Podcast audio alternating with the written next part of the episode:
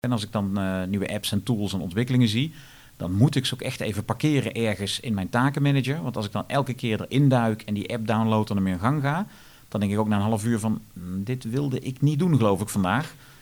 Nou, en, en ik denk dat een van de belangrijkste dingen is, ken u zelf. Hè? Hey, wat leuk dat je weer luistert naar Fiscaal Fris, de podcast voor fiscaal professionals. Ik ben Nancy van Bemmel, van de redactie van Nextens.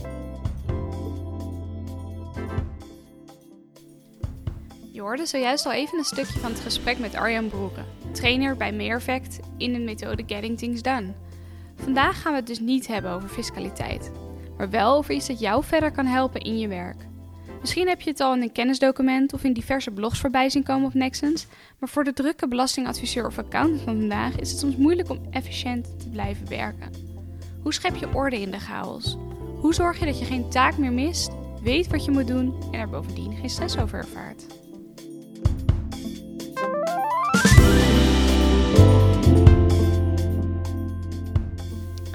Arjan, wat is efficiënt werken voor jou?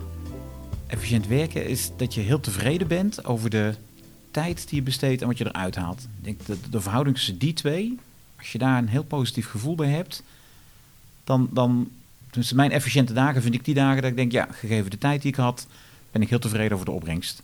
Oké. En hoe pak je dat dan aan, dat efficiënt werken? Mhm. Nou, het begint er denk ik al mee dat je een reëel plan voor een dag hebt. Ehm, te vaak hoor je ook mensen die zeggen, nou, ik heb elke dag het gevoel dat dingen niet af zijn, of ik loop achter de feiten aan, of ik reageer te veel. Dus eigenlijk is het begin van de dag of het eind van de dag ervoor een heel mooi moment om te denken van, nou, wat, wat wil ik eigenlijk met vandaag? En wat we in coaching en training heel veel zien, en ik denk dat veel luisteraars dat herkennen, is dat je stiekem te veel wil. En dat siert je, en de ambities zijn natuurlijk fijn, maar het risico is dan dat je elke dag ook ontevreden bent. Dus door een moment van reflectie, en een paar minuten is genoeg, en degenen die dit al doen, die, die herkennen het meteen. Een paar minuten van, nou, wat staat er in mijn agenda? Wat wil ik in ieder geval vandaag de deur uit doen? Is dat reëel? En op het moment dat je dan zo'n plannetje hebt, ja, dan gaat je dag echt anders lopen dan wanneer je die dag induikt door de mail. Of dat je nog voordat je je jas uitgedaan hebt, een collega je aanschiet en je dan een gesprek verzeild bent geraakt. Dus even dat moment van, nou, wanneer ben ik nou vandaag tevreden? En dat maakt het ook concreter om als je aan het eind van de dag terugkijkt, te denken van, nou, die spontane brainstorm was misschien toch niet zo handig.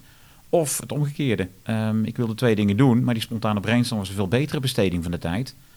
Het feit dat je nadenkt over wat je wil en terugkijkt op wat je gedaan hebt, dat, dat is ook een van de stappen die we in Getting Things Done nogal promoten. Dat maakt echt dat je bewuster in je dag staat. En dat is denk ik de rode draad wat we gaan bespreken. Dat je vaak dingen automatisch wat gewoonte doet. En door bewuster te kiezen, ga je echt productiever worden. Ja, maar moet je dan ook echt, je zei al een beetje dat, dat soms andere dingen misschien toch beter kunnen zijn Ja. dan dat je van tevoren had Ja. gedacht. Moet je dan echt vasthouden aan je planning die je 's ochtends maakt? Of moet je er toch ook wel flexibel mee om kunnen gaan? Nee, ik denk, ik denk als we elkaar een jaar of tien geleden hadden gesproken, dan, dan, dan was time management toch wel plannen. hè? En doe wat belangrijk is en houd eraan vast. En tegenwoordig zeggen we, die planning is fijn, maar het is vooral een referentiepunt. En het geeft je de kans om te beoordelen of dat wat zich ad hoc aandient inderdaad voor moet gaan. Of dat het ook wel later kan. En dat wil niet zeggen dat je voortdurend beschikbaar moet zijn voor alles en iedereen in je mail en voortdurend opnieuw die beoordeling doet. Maar een plan maken en eraan volhouden, ja, dan, dan zou je ook de kans missen om bepaalde nou, kansen die zich spontaan voordoen te verzilveren. Een telefoontje of een vraag van een collega kan heel waardevol zijn. En kan echt maken dat je dag nuttiger is dan wanneer je had gezegd, nee, dit wil ik. Maar zonder plan is de kans groot dat je wat reactiever door de dag gaat. Zeker gezien de hoeveelheid mail, chat, berichten die zich aandienen. Je, je kan prima een hele dag reactief zijn voor de meeste van ons. Ja, ja. Want hoe pak jij dat dan aan? Hoe richt jij je systeem in? Ja, voor, voor mij geldt dat ik eh, in ieder geval overzicht wil hebben over alles wat ik kan doen. Dus eh, wat we in training ook mensen aanraden is eh zorg op het moment dat je iets toezegt aan iemand. je wil iets bereiken, je hebt een project erbij. Houd dat allemaal bij. Eh, een takenmanager, Outlook taken. Nou, daar komen we daar nog wel over te spreken, denk ik. Als je dat overzicht hebt over alles wat je kunt doen, dan kun je beredeneerde keuzes maken. En meestal zeggen we, probeer voor een week de insteek te kiezen. Wat wil ik deze week doen? En op dagniveau, zoals we net bespraken, dat te bevestigen. Dat betekent dat je dus niet helemaal plant, je niet weken vooruit plant, maar dat je wel nagaat, nou, wat wil ik deze week doen?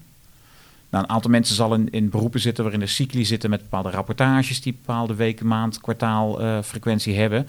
Nou, dat geeft natuurlijk wel iets meer structuur. Degene die wat minder hebben, is vooral dat weekoverzicht maken een hele wezenlijke. Ja, ja. Oké, en we hadden het al inderdaad al even over uh, getting things done. Ja. Zou je wat Ja. over die methode kunnen vertellen? Ja, en dat, daar is eigenlijk ook dit allemaal op gebaseerd. Het idee bij Getting Things Done is dat we zeggen kenniswerkers, dat is een soort vak dat we niet zo goed kennen, maar waar eigenlijk ook niemand voor opgeleid is. Dus je bent opgeleid eh, als jurist of fiscalist of eh, als controller. Je, je hebt een bepaalde opleiding, daar heb je jaren in geïnvesteerd. En dat versta je, dat vak versta je. Ehm, op het moment dat je dan een dag in gaat delen, op het moment dat je taken gaat bijhouden, op het moment dat je prioriteiten moet stellen, ja, daar heeft eigenlijk niemand van ons een opleiding in. Dus wat je heel veel ziet bij kenniswerkers, is dat ze naar eer en geweten hun werk doen. Maar eigenlijk pas erover na gaan denken, hoe doe ik nou mijn werk als het niet meer goed werkt? Als het te veel wordt of als het misloopt. Dat betekent ook dat twee mensen die samenwerken, eh, kunnen op heel verschillende manieren bijvoorbeeld hun mail verwerken. Omdat eigenlijk nooit iemand er heeft over nagedacht, wat is nou de beste manier? Nou, wat Getting Things Done is, is eigenlijk voor kenniswerk de best practices. Dus wat is nou de best practice om een dag in te delen? Hoe kun je nou het beste taken noteren? Hoe kun je nou zorgen dat je voldoende voortgang houdt in alle dingen waar je ja op hebt gezegd? Nou, en dat is, in 2001 heeft David Allen het boek Getting Things Done geschreven, daar is het mee gestart. En een jaar of vijf tot tien later is het eh, vrij populair geworden in Nederland. En eigenlijk zijn nu al een jaar of vijftien via meer effect mensen die trainingen doen. Er komen ook veel mensen tegen die het boek hebben gelezen. Die zeg maar hun workflow, hun manier van werken geënt hebben op het boek Getting Things Done en de vijf stappen die erin zitten. Ja, zou je wat over die vijf stappen willen vertellen? Ja, ja en, en meestal als ik ze uitleg zijn ze heel common sense, maar geen common practice. Hè? Dus dat is denk ik wel een nuttige. Eh, de eerste is verzamel. Dus eh, je hebt ehm, in de wandelgang iemand toegezegd iets op te sturen. Je hebt een idee voor een project. eh, schiet je er binnen dat je bepaalde klanten lang niet gesproken hebt. Verzamel al dat soort observaties. Dus schrijf ze op, typ ze in, spreek ze in, net wat je fijn vindt. Maar heb gewoon de gewoonte dat als je iets wil doen, dat meteen vast te leggen.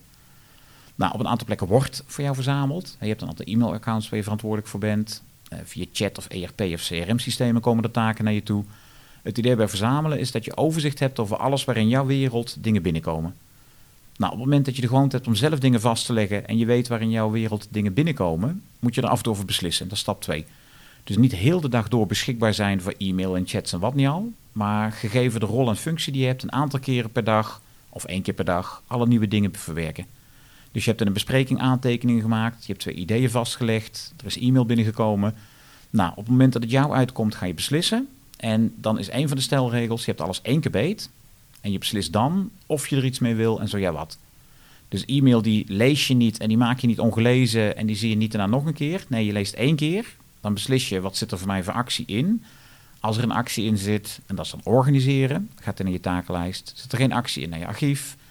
Wil je er een afspraak van maken, gaat in je agenda. En bij organiseren zeggen we, je hebt eigenlijk zeven plekken nodig. Eentje is prullenbak, eentje is takenlijst. En met die zeven plekken kun je heel je wereld organiseren. Dus je legt voortdurend vast wat je wil doen. Je beslist wat dat precies voor je betekent. En dan maak je overzichten. En dat betekent dat ik een lijst heb met dingen waar ik op wacht. Waar anderen naar zet zijn. En dingen die ik zelf kan doen. Dat zijn dan weer mijn taken. Ja, Nou. ja, want wat zijn die zeven stappen precies? Of die zeven Ja, die lijsten zeven die je lijsten. Ehm, als ik mail verwerk, het is misschien het handigst om daar op te hangen. Als ik mail verwerk, kan één beslissing zijn prullenbak. Dat is er één. Tweede is archief. Ik hoef er niks mee, maar bewaar. De derde is, ik ga er nu niks mee doen, maar ik wil me kunnen bedenken. Dat is later misschien. Kansen die ik ooit nog wil verzilveren. Als ik ergens wel iets mee wil doen, en het kan in twee minuten, doe ik het meteen. Dus dat komt ook nergens te staan, dat is gewoon meteen weg. Als ik er iets mee, eh, of als ik er een verplichting aan heb, maar die ik zelf niet kan doen, dan delegeer ik het. Dan wordt het wachten op. En als ik het zelf wil doen, maar niet nu, dan plan ik het of in in mijn agenda, of ik zet het op mijn takenlijst. Nou, naast de lijsten om dat bij te houden, hebben we nog de projectenlijst. Het risico dat je te veel in taken op grondniveau blijft en te gedetailleerd werkt, willen we tegengaan door een projectenlijst. Dus alle projecten waar jij een commitment aan hebt, op één lijst, één keer per week minstens, loop je die door. Oké. En dan de volgende stap, want dan heb je alles verwerkt. Ja, dan heb je, en de meeste van ons hebben dan een grote lijst met verplichtingen. Veel mensen schrikken er ook van. En dan zeggen ook wel eens, ja, dat Getting Things Done, nu heb ik ineens een enorme takenlijst. Nou, die had je al, alleen je had niet het overzicht erover. Dus het kan best confronterend zijn om eens in kaart te brengen waar je allemaal ja op hebt gezegd. Nou, en bij reflecteren stap 4 ga je daarna, wat wil ik deze week of vandaag doen? Eh, je gaat ook naar van hoe werkt mijn dag eigenlijk? Wat zou ik beter, anders, slimmer kunnen doen? Dus die grote overzichtslijsten die je in stap 3 maakt, ja, die, dat is niet meer dan een keuzelijst. En in stap 4 reflecteer ga je committeren. En als je een plannetje voor een dag hebt, ja, dat is een stuk kleiner dan die grote lijst van alles wat je zou willen doen.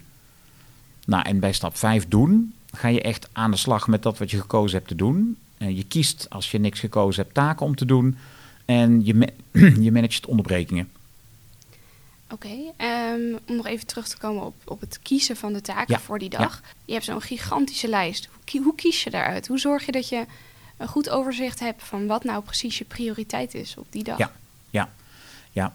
Nou, als je een, een lijst hebt, ehm, wat handig is om die lijst kleiner te maken in ehm, lijsten door een label van categorie toe te kennen. En dat kan bijvoorbeeld zijn, wat heb ik nodig om een taak te doen? Dus stel dat ik een aantal bespreekpunten voor Fred heb. Als ik die taken label met bespreken met Fred, dan weet ik in ieder geval dat als Fred er die dag niet is, kan ik die taken dichtlaten. Stel dat ik taken heb, en veel luisteraars zullen die hebben, waar je echt langere tijd geconcentreerd aan moet werken, kun je die bijvoorbeeld focus taak noemen. Nou, door die lijst te labelen, bijvoorbeeld hier heb ik uh, een bepaald computersysteem bij nodig. En omdat ik veel onderweg ben, kan ik er niet altijd bij. Hier heb ik uh, Fred bij nodig. Nou, dat soort labels kunnen je helpen om als je zegt, wat kan ik dan nu doen? Een aantal van die groepen dicht te laten. Want als Fred vrij is, je bent uh, wat vroeg van afspraak en je zit in de lobby van een klant. Ja, dan kun je een aantal van die taken sowieso niet doen. Het tweede wat je gebruikt bij het kiezen van een taak is, hoe lang heb je? stel dat je geen afspraak op een dag hebt, nou dan kun je natuurlijk alles kiezen. Maar stel dat je dag in stukken gehakt is omdat je een aantal afspraken hebt, ja, dan kun je maar zoveel doen tot de volgende afspraak. Dus het helpt ook als je je takenlijst indeelt op hoe lang duurt een taak. En het kan een simpele tweedeling zijn, bijvoorbeeld onder een kwartier en boven een kwartier.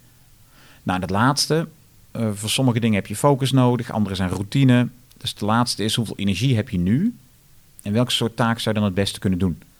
Dus we beginnen eigenlijk heel simpel eerst met nou prioriteiten die zul je heus hebben. Maar wat kun je überhaupt doen gegeven de plek waar je bent? Nou, en als je een hele dag hebt in een goed uitgeruste kantooromgeving en je bent fit, nou, dan kom je natuurlijk meteen naar prioriteiten. En dan is vaak de projectenlijst de goede ingang. Van welk project is voor mij nu belangrijk?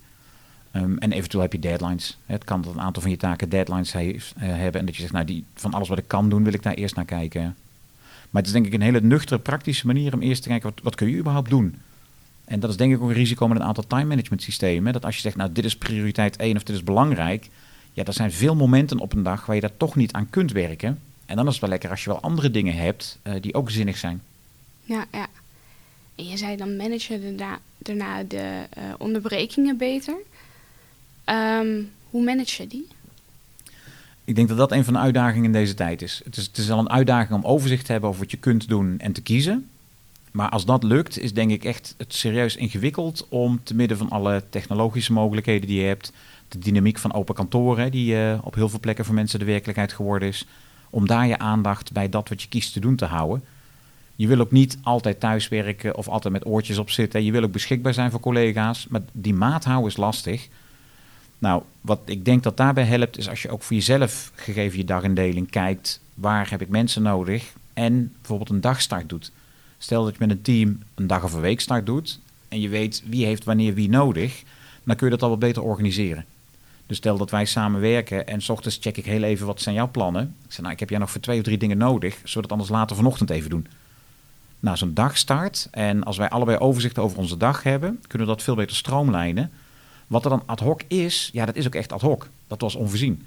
Dus stel dat een klant met een klacht belt, ja, dat konden wij niet voorzien. Maar ja, we zijn in controle, we hebben overzicht over onze dag. Dus wij kunnen vrij makkelijk zeggen, nou laten we dat meteen oppakken. Ja, dus ja. Het fijnste zijn dat soort gesprekken niet als de onderbreking er is. Dus als ik aan jouw bureau sta en zeg, ja nu even niet. Ja, dat is natuurlijk een iets lastiger gesprek dan wanneer het ons lukt om dat uh, s ochtends of hè, bijvoorbeeld bij de weekstart uh, dat soort dingen te bespreken. En het tweede wat veel mensen aanraden is, als mij nu iets te binnen schiet en ik heb jou nodig, dan is het voor mij heel lekker als ik jou onderbreek dat ik zeg, nou, heb, je, heb je nog die gegevens of had je nog een antwoord op die mail gehad? Tegelijkertijd, het hoeft niet nu. het is zelden zo belangrijk dat het de storing rechtvaardigt. Dus als ik nou een bespreekpuntenlijstje bijhoud en zeg, uh, nou, ik heb een paar dingen voor jou, kunnen we daar even zitten? Ja, dat is een veel prettigere manier om werk te organiseren dan elkaar voortdurend onderbreken. Maar het is voor mij wel lekker als ik er vanaf ben. Dus ik moet me dan bedwingen en zeggen, nou, ik zou dit wel meteen willen vragen, maar nu is het gewoon niet het beste moment. Ik zie dat jij bezig bent. En ja, het zijn misschien grote woorden, maar respect voor elkaars tijd en aandacht maakt echt dat je een productief team en een productieve omgeving kan hebben. En als we dan met z'n tweeën gaan zitten om de dingen te bespreken, ja, dan hebben we ze ook voorbereid. Dan zitten we ook echt met de volle aandacht erbij. Dus de, Ja, de ja. kwaliteit van wat we samen doen gaat ook echt omhoog. Dat is wel een stuk fijner, ja. ja. Maar dan heb je zo'n eh, dan heb je zo'n systeem staan. Hoe zorg je dan dat je die helemaal up-to-date houdt, continu? Je kijkt, je kijkt, ja, als je eh, een vergadering hebt gehad, dan verwerk je de aantekeningen. Maar er komt natuurlijk zoveel op je af. Ja. Heb je daar dan ook nog momenten voor? Ja. ja, wat je eigenlijk doet is dat verzamelen. Dat doe je voortdurend. Dus eh, er komt nieuwe input, er komen nieuwe dingen. Dus dat doe je voortdurend. En eh, tenminste één keer per week, dat noemen we dan het wekelijks onderhoud, neem je de tijd om te zorgen dat je lijsten actueel zijn. Voor sommige fun- functies moet dat vaker. Dus stel dat ik een eh, ja, secretaris of secretaresse ben of een managementassistent, dan heb ik best veel wachten ops. En die moeten soms in één of twee dagen, of misschien zelfs binnen een dag rond. Dat betekent dat ik dan in die rol vaker naar mijn wachten oplijst zal kijken. Ehm, en ik zie iemand binnenkomen en denk, oh, daar had ik vast nog een paar wachten ops voor. Ik pak mijn wachten oplijst erbij. Dus bij een aantal functies zul je vrij dicht op die lijsten zitten en die redelijk vaak even doorlopen. Functies waarbij dat wat minder kritiek is, dan zeggen we tenminste één keer per week. Dus wil tenminste één keer per week je actielijst doorlopen en afvinken wat af is. Heronderhandelen wat je misschien niet gaat halen. Ehm, inchecken bij de mensen die iets beloofd hebben of dat nog gaat lukken. Met dat onderhoud is nodig. En ik denk dat het ook een beetje de achtergrond van de vraag is. Iets wat je ook vaak vergeet, dat een systeem vraagt onderhoud. De, de gezondheid, spiritualiteit, relaties, financiën, de staat van je huis. Al die dingen, om die op een bepaald niveau te houden, vraagt onderhoud. Dus een takenlijstje beginnen, dat is punt niet. Hè. Dat doet iedereen wel eens in een vlaag van opruimwoede. Maar het in stand houden en er gedurende dag naar kijken, ja, dat is wel een kunst. En heb je, heb je daar verder misschien nog tips voor? Ja, want heel vaak zeggen mensen dan, ja, ik heb die discipline niet. Dan zeg ik ook, nou, als het op discipline aankomt, wordt het ook moeilijk. Dus wat je eigenlijk zoekt is eh, gewoonten. We zeggen wel eens, gewoonte is eigenlijk de heilige graal van productiviteit. Want als het iets eenmaal een gewoonte is, dan is het makkelijker om wel te doen dan niet. Dus die luisteraars die al de gewoonte hadden om een dag te starten met een plannetje, ja, als ze daarin onderbroken worden, dat voelt een beetje onaf. Je weet, elke dag maak ik een plannetje en dat kon ik nog even niet doen, dat voelt onaf. Dus wat je eigenlijk zoekt is hoe kan ik een gewoonte maken om bijvoorbeeld regelmatig mijn takenlijst te bekijken. één keer per week het wekelijks onderhoud te doen.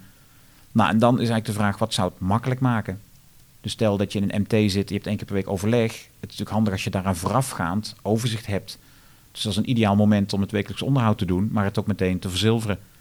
Stel dat je met iemand een duobaan hebt en op vrijdagmiddag werk je allebei. Nou, op dat moment even inchecken. Hoe ziet die week er volgende week uit? Wat hebben we deze week gedaan? Stel dat je één keer per week een uren verantwoording moet maken of aan het eind van de dag dat moet doen. Nou, dat is natuurlijk een mooi moment om even de lijst ook na te lopen. Hoe compleet ben je? Ja, ja, precies. En toen jij begon met Getting Things Done, had je daarvoor ook al een bepaald systeem? Of was dit echt het eerste systeem dat jij überhaupt geïmplementeerd? Ja, ei- eigenlijk merken we ook in training eh, en, en in workshops dat iedereen heeft een systeem. Soms niet heel erg gearticuleerd, eh, maar iedereen heeft een manier van werken. En iedereen is daar ook succesvol mee. Ik bedoel, wij komen op plekken waar mensen gewoon gedreven en succesvolle professionals zijn. Dus meestal is de aanleiding om er iets aan te doen pas als het niet meer zo lekker loopt. En dat is ook wel jammer, want het is juist lekker om als het lekker loopt, om dan verbeteringen door te voeren. Dus ook mensen die zeggen, ja, ik ben helemaal niet georganiseerd. Zeg nou, in zekere zin zul je georganiseerd zijn. Hè? Ik bedoel, je krijgt dingen voor elkaar. Nou, ik denk waar Getting Things Done de uitdaging in is, is dat je eigenlijk alles wat preciezer doet dan dat je doorgaans nu doet en in samenhang. Dus het lijstje maken kan niet zonder onderhoud. En door dat te realiseren zeg je ook van, nou, ik maak dat lijstje wel, maar ik weet nu ook, als ik daar 's ochtends niet even naar kijk en aan het eind van de week niet even indringend naar kijk, dan gaat dat niet werken. Nou, dat is denk ik het grootste verschil met wat ik al deed. Ik had al, eh, ik werkte bij Fontes, een heel groot gebouw, dus ik had al eh, taken ingedeeld naar bij wie moet ik zijn, om niet voortdurend op en neer door het gebouw te moeten. Nou, dat soort gewoonten had ik wel al, maar door wat preciezer het wekelijks onderhoud te doen, ja, word je daar gewoon veel beter in. Omdat je veel beter ziet van, nou, hier werkt het wel en daar werkt het niet. Of die taken blijven te lang liggen. Ja. Dus ik denk dat de grootste sprong vooral dat was preciezer en in meer samenhang met de verschillende stappen die productiviteit van je vraagt. eh. Ja, precies. Er zijn natuurlijk heel veel van dit soort methodes. Ja, hè? Eh, ja. Heel veel efficiëntiemethodes. Ja. Waarin onderscheidt GTD zich van die andere methoden? Ja, ja het, het ene is met je net als diëten. Je hebt heel verschillende diëten. En eigenlijk maakt het niet uit welk je doet. Op het moment dat je een dieet kiest, ga je bewuster eten. In plaats van het, het gewoonte, de gewoontes die je had, ga je kritischer kijken naar wat eet ik, hoeveel beweeg ik. En eigenlijk is dat de pre van elke methode. Of je nou Pomodoro, Covey, eh, wat je ook kiest. Je gaat in ieder geval bewuster kijken naar waar gaat mijn tijd naartoe, wat doe ik wel en niet. Waar wij de meeste positieve feedback van uh, deelnemers op krijgen, is van de ene kant het praktische. Als we zeggen maak je hoofd leeg, hebben we dan meteen ook een oefening bij, de minddump. Als we zeggen maak je hoofd leeg, weten we ook apps die op je telefoon kunnen helpen om dingen heel snel even te fotograferen of in te spreken of te typen. Dus het praktische denk ik een verschil. En ik denk dat het praktische gecombineerd met de samenhang. Het is dus niet alleen maar een lijstje maken, het is ook onderhoud doen. Het is niet alleen plannen, maar ook omgaan met onderbrekingen. Ik denk dat die samenhang ook maakt dat het heel verschillende stappen zijn die je bij GTD leert. Het, het handig worden met technologie en met e-mail is nodig. Als je daar zes tot acht uur per dag mee werkt, die met er niet handig mee, nou, dan laat je evident tijd liggen. Maar de technologische kant vraagt ook om reflectiemomenten. Doe ik nu wel de belangrijkste dingen? Nou, en ik denk dat het praktische en de diversiteit van de stappen, dat dat het een uh, rijke methode maakt waar eigenlijk voor iedereen wel iets in zit. Oké.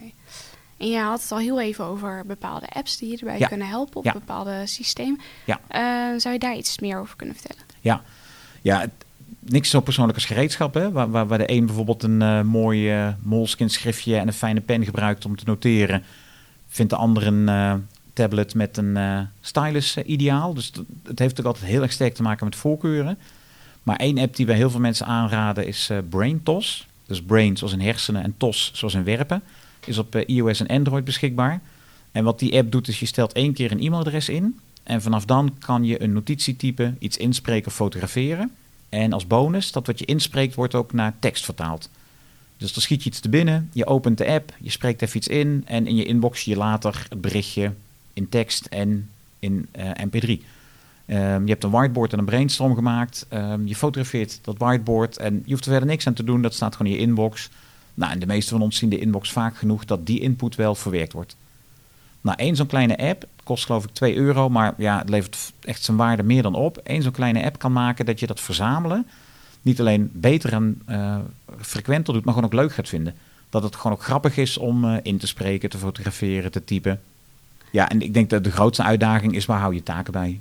Dus uh, dat zal voor de meeste mensen toch digitaal gaan ook als je samenwerkt met anderen, een agenda is elektronisch natuurlijk ook wel ontzettend veel handiger. Dus voor heel veel mensen is een belangrijke uitdaging van ja, ik wil altijd op één plek mijn verplichtingen zien. En welke app of tool ik daarvoor gebruik, dat is een belangrijke. Nou, en daarvoor is meestal, voor de meeste gebruikers waar wij komen, is uh, Microsoft Office toch een beetje het zwaartepunt in wat mensen aan pakketten gebruiken. Daarbinnen is Outlook dan een veelgebruikte natuurlijk voor e-mail en agenda. Dus heel vaak zeggen we, Outlook heeft ook een takengedeelte. En dan kun je uitstekend je verplichtingen in bijhouden. Dus of er nou later misschien verwachte ops of taken zijn. Je kunt daar de categorie in kwijt. Gegeven de sneltoetsen die Outlook kent, kun je vrij makkelijk van e-mails taken maken. Dus dat, dat is in ieder geval eentje die ik ook mensen aanraad. Ben je al een Outlook-gebruiker? Heb je nog geen goede plek voor taken? Ga met Outlook taken aan de gang. Vanuit dataveiligheid is het ook een goed idee, hè? want een derde partij takenmanager, waar je de algemene voorwaarden accepteert, waar zeg je dan precies ja op? Dat is misschien toch een veilig idee om in die omgeving te blijven. Ben je geen uh, Office gebruiker, dan is dat in ieder geval nog een interessante zoektocht. Waar ga je je taken organiseren? Want dat is toch een beetje de crux van Getting Things Done. Een compleet overzicht van wat je zou kunnen doen, zodat je beredeneerde keuzes kan maken. Ja, ja hoe, hoe, denk je over programma's zoals bijvoorbeeld uh, Nosby of Trello? Ja, ja, nee, die hebben absoluut hun pre. Um, Nosby is een takenmanager die, uh, net als Omnifocus of Wunderlist of Todoist uh, handig is als je vooral projecten organiseert. Als je daar taken in hebt. Nou, het is denk ik wel een uitdaging om de mail erin te krijgen, maar dat kan. Hè. Er zijn e-mail gateways, hè, dus je kunt er naartoe mailen. Het voordeel is natuurlijk ook alweer dat je wat verder van de mail af zit. Je kan er prima in samenwerken. Ik denk dat het goed is om even te kijken wat, uh, wat vanuit dataveiligheid uh, de consequenties zijn van het gebruik ervan. Ze hebben als pre denk ik wel dat ze op alle mobiele devices en in webomgevingen een aanwezigheid hebben. Uh, dat is een Outlook ietsje meer behelpen. En ik denk dat bij Trello de grote plus is dat het visuele, in plaats van een lijstje heb je borden, dat dat een aantal mensen ook aan zal spreken. Dus dat is een beetje uitvinden wat jij en je team handig vinden. En dan kunnen die prima dienst doen. Tegelijkertijd iets als Trello kun je ongeveer ook met Microsoft Planner in de Office 365 omgeving. Dus als je dat een veiliger idee vindt, dan uh, het is nog niet zo krachtig als Trello, maar dan zou je in ieder geval wel in een vertrouwde omgeving blijven. Maar bij, bij ehm, tools geldt toch heel sterk uh, dat wij daar niet voor of tegen zijn. Uh, alleen zeggen de een heeft een bepaalde kracht. Uh, en als die net voor jou doet wat je moet doen. Dus het visuele van Trello, de borden op een scherm. Als je dat prettig werken vindt of je vindt het fijn om met je team daar s ochtends naar te kijken. Ja, dan, dan verslaat niks dat. Nee, nee. Oké. Eh, jullie doen een hele hoop cursussen en trainingen in, in-house. Waar lopen jullie cursisten nou nog meestal tegenaan? Waar moeten jullie ze vaak nog bij begeleiden? Of verschilt dat heel erg? En dan na de training bedoel je? Ja, als je, met, als je deze methode, je zegt af en toe hebben ze het boek al gelezen, ze hebben al bepaalde dingen geïmplementeerd. Waar lopen ze nog het meest tegenaan? Ja, uh, voor de meeste mensen is de, het opruimen en inrichten, dus zeg maar beslissen en organiseren, niet zo'n punt. Zeker omdat in een trainingsdag trek je natuurlijk echt de tijd voor uit. Als je erin begonnen bent, maak je dat vaak in de avond of de dag erna af. En dan is eigenlijk het onderhoud doen, het wekelijks onderhoud en de dagstart, eigenlijk is dat de crux. Als dat ook lukt, nou dan, dan pas je het op maat aan en dan houd je het machientje draaiend. Als dat de uitdaging is, dan is het risico ook dat je het systeem vult en eigenlijk het slechtste van twee werelden hebt. Je doet eigenlijk dagdagelijks van alles en je hebt nog dat systeem ergens op de achtergrond draaien. Dan is het eigenlijk nog beter om geen systeem te hebben. Dus als je die training doet, is dat wekelijks onderhoud. Dat is voor veel mensen de uitdaging. Oké. Arjan, ik ben een beetje door mijn vragen heen. Heb je misschien verder nog toevoegingen of misschien nog wel tips voor onze luisteraars? Ik denk dat dat een hele belangrijke is als kenniswerker je te realiseren dat het organiseren van je werk, het nadenken over je werk, dat is ook je werk. Dus een van de redenen waarom een aantal mensen het wekelijks onderhoud niet zo snel doet, is in diezelfde tijd zeggen ze dan, kan ik mijn werk doen? Dan zeggen wij altijd van ja, maar je werk organiseren is ook je werk. En stel dat je beslist om een memo te schrijven, wie zegt dat dat de best denkbare keuze is? Als je dat niet zeker weet, dan heb je een moment van reflectie nodig. Dus een van de vragen die David Allen in Getting Things Done stelt is: hoe weet je of wat je nu doet het belangrijkste is wat je zou kunnen doen? En die vraag kunnen veel mensen niet volmondig beantwoorden met dat weet ik. Dus als je tijd investeert in georganiseerd zijn, daar zit een hefboom in en die geeft je ook de rust en focus om te zeggen: nou, ik kijk nu even het raam, want ik ben even leeg. Of ik ga nu een brainstorm met een collega doen en ik weet ook wat ik niet doe. Ik weet vanuit het overzicht dat ik heb dat dit het beste is wat ik zou kunnen doen. Dus de realisering dat het organiseren van je werk is je werk. Het is te complex om, om maar met een paar vlaggetjes of e-mails ongelezen maken dat te proberen doen. Een, een post op je bureau is te weinig om de complexiteit van je wereld te organiseren. Dus het vraagt dat je als professional ook echt even goed naar kijkt en je weg in vindt. Oké, dankjewel Arjan. Nou, was me genoeg. Heel veel succes met het toepassen van deze manier van efficiënt werken. Volgende week zijn we er weer en dan behandelen we weer een fiscaal onderwerp. Graag tot dan!